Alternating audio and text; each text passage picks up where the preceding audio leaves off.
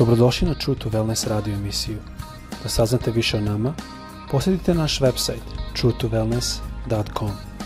A sad, vaš domaćin, dr. Todorović.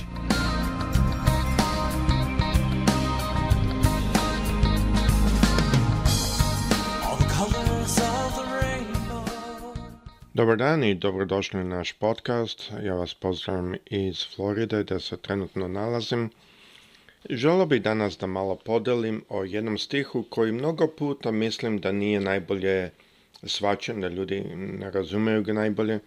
I želim malo podeliti šta je Isus govorio tu kad je ovaj prvi, e, prvi stih njegovog učenja na gori, da on piše, da piše u Mateju, peta glava, treći stih kaže Blaženi su siromašni duhom, jer je njihovo carstvo nebesko. I sada mnogi ljudi umeju da kažu šta to znači siromašni duhom. Na engleskom je još to teže e, razume zato što u engleskom jeziku nema što takav izraz. tako da mislim da je puno lakše na našem, ali ipak moramo malo, mislim, stati i pogledati šta je tu Hristov da kaže i zašto on to tako rekao. Prvo želim da ukažem da ovdje kaže blaženi, na engleskom kaže blessed, ali um, reč koja je tu zaista korištena više e, znači da je dobro je njima. Ta reč e, blaženi nema u stvari religijske konotacije u originalnom jeziku, nego više kaže da je dobro ovako biti. E, radije nego da nešto, da ima neka konotacija da Bog blagosilja određenu akciju. Ali bez razlike Isus nam govori da trebamo biti siromašni duhom. E sada, kada razmišljamo o tome, mnogo puta mislim da je jako bitno da pogledamo situaciju u kojoj Isus se nalazio i situacija koja je bila u to doba, da bi znali o čemu on govorio. Naime, Isus je mnogo puta čak bio i optužen da je išao sa grešnicima, sa carinicima, sa ljudima koji nisu duhovno imali neku reputaciju da su duhovni, nego su više puta vidjeli e, kao grešni, viđeni bili kao grešni. I tako da onda kada gledamo na to, možemo vrlo lako pitati ko je onda pun ili bogat duhom bio.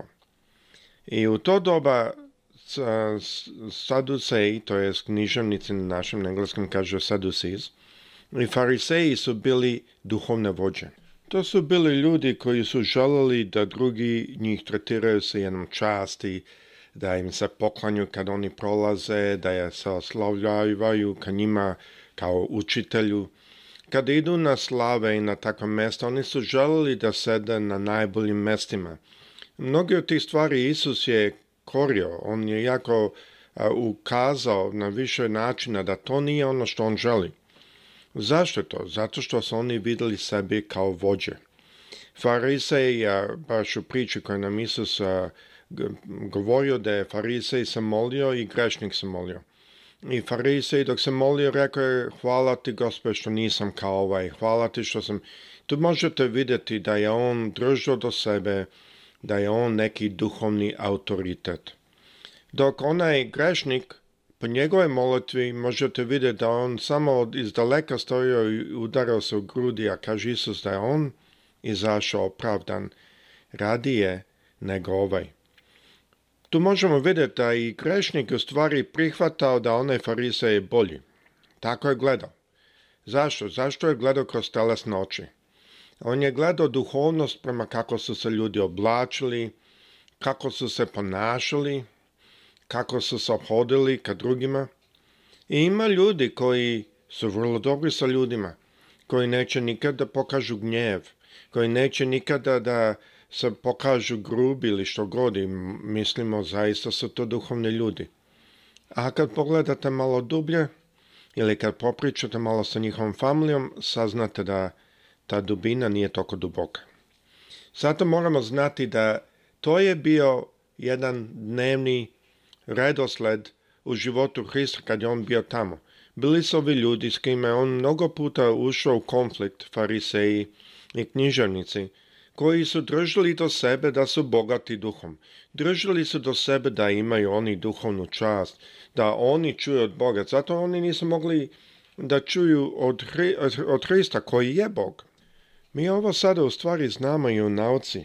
Mi mnogo puta znamo da oni studenti koji su spremni da nauče, oni studenti koji su spremni da čuju, će biti bolji istraživači nego oni koji nisu.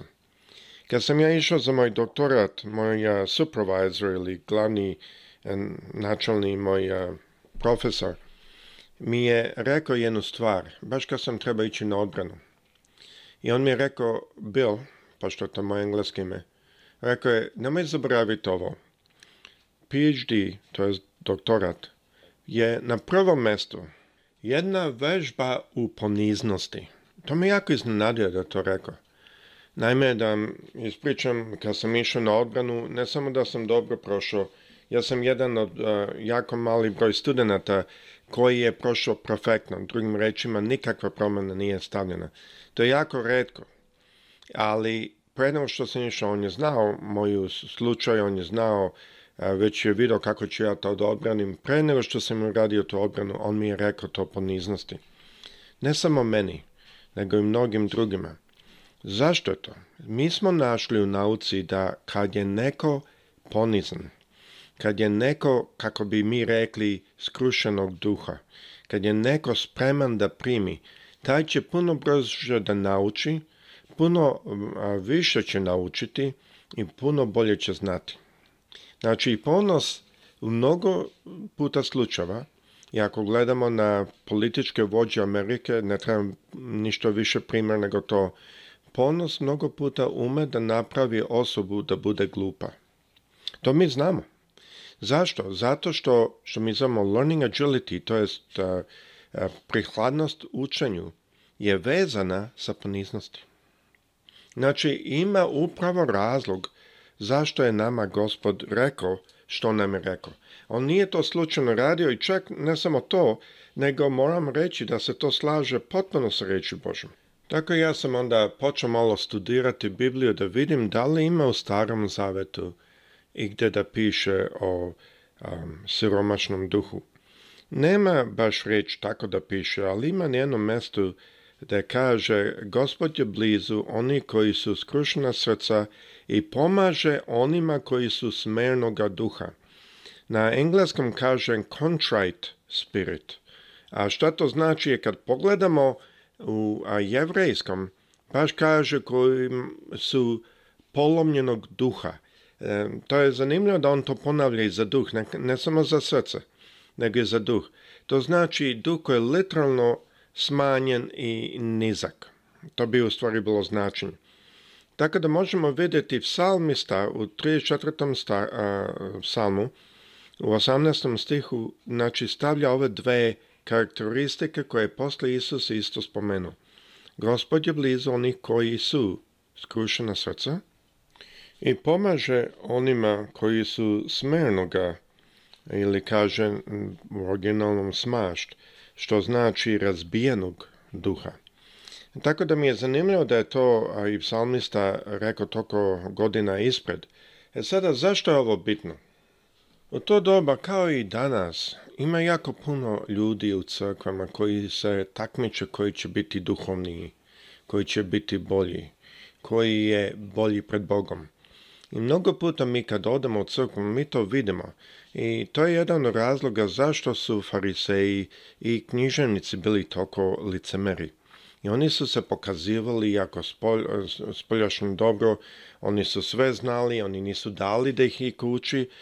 Ako se sećate iz Biblije, primjer e, onog dečka koji je bio izlečen, kad su oni njemu rekli da je Isus grešnik, on je rekao da li je prorok ili ne, ne znam, ali znam da Bog grešnike ne sluša a s tim ukazuje da Isus je svakako a, nije grešnik, nego da je, kao što znamo, sin Boži. E, ste primetili šta su oni njemu rekli? A ko si ti da nas učiš? Oni su imali duh koji e, nije bio siromašan, nije bio spreman da se nadopuni. Kad je nešto siromašno u našem životu, mi to želimo napuniti. A kada mi mislimo da imamo, mislimo da znamo, mi zatvorimo vrata da čujemo istinu. Mi zatvorimo vrata da čujemo nešto novo, nešto drugo. I mnogo puta imam, kada vodim recimo timove u Srbiju, mnogo puta me pitaju, pa kako čuješ reč Božju? Kako čuješ od Boga? Ja im mnogo puta kažem, pa znate šta, Bog je rekao da smo mi ovce njegove. I ako smo mi njegove ovce, mi čujemo njegov glas. I onda kažem, pa da li ste vi njegove ovce? Pa jesmo. Pa kako ne čujete njegov glas? I mnogo puta što oni shvate je da razlog što oni ne čuju njegov glas je zato što je njihov duh lični jako glasan. Mnogo puta mi imamo svoja mišljenja, mi imamo svoja znanja i mi nismo spremni da čujemo nešto drugo. I to je u stvari istina. Ja sam to morao naučiti dok sam još bio mlad. Ako hoću da čujem Boži odgovor, ako hoću da čujem njegov glas, ja verujem da svi mi koji njemu pripadamo čujemo njegov glas.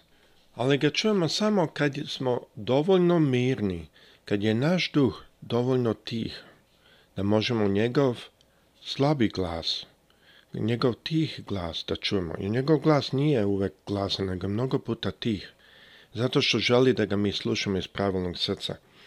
I ovo se isto odnosi i na, naše crkve danas. Vi znate da kaže u otkrivenju Jovanovom u trećoj glavi, kaže za laudicijsku crkvu, kaže evo stojim pred vratima i kucam. Ko čuje moj glas i otvori vrata, ući ću k njemu i večeraću ću s njim i on sa mnom.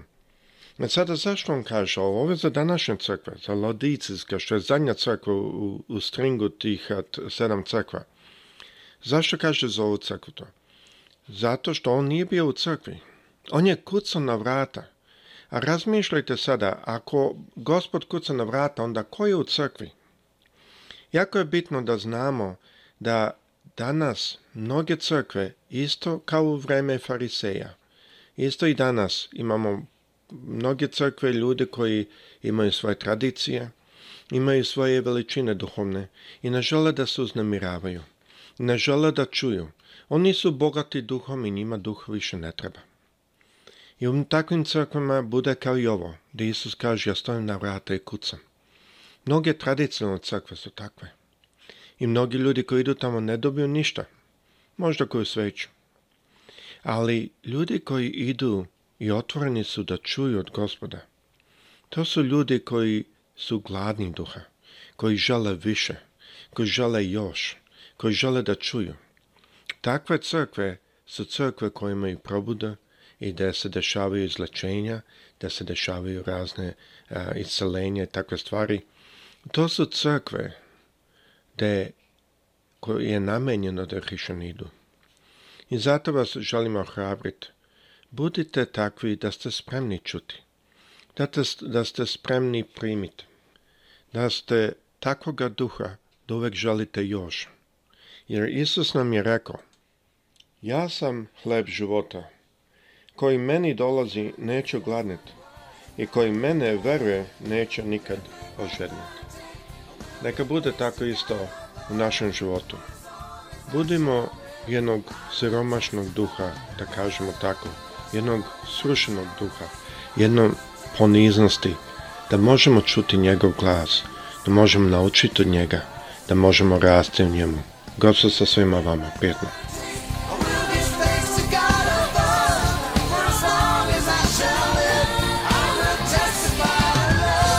Slušajte True to Wellness radio emisiju. Pridružite nam se ponovo svaki utorak, četvrtak i subotu. Za kontakt molimo posjetiti naš website truetowellness.com. Naša e adresa je info at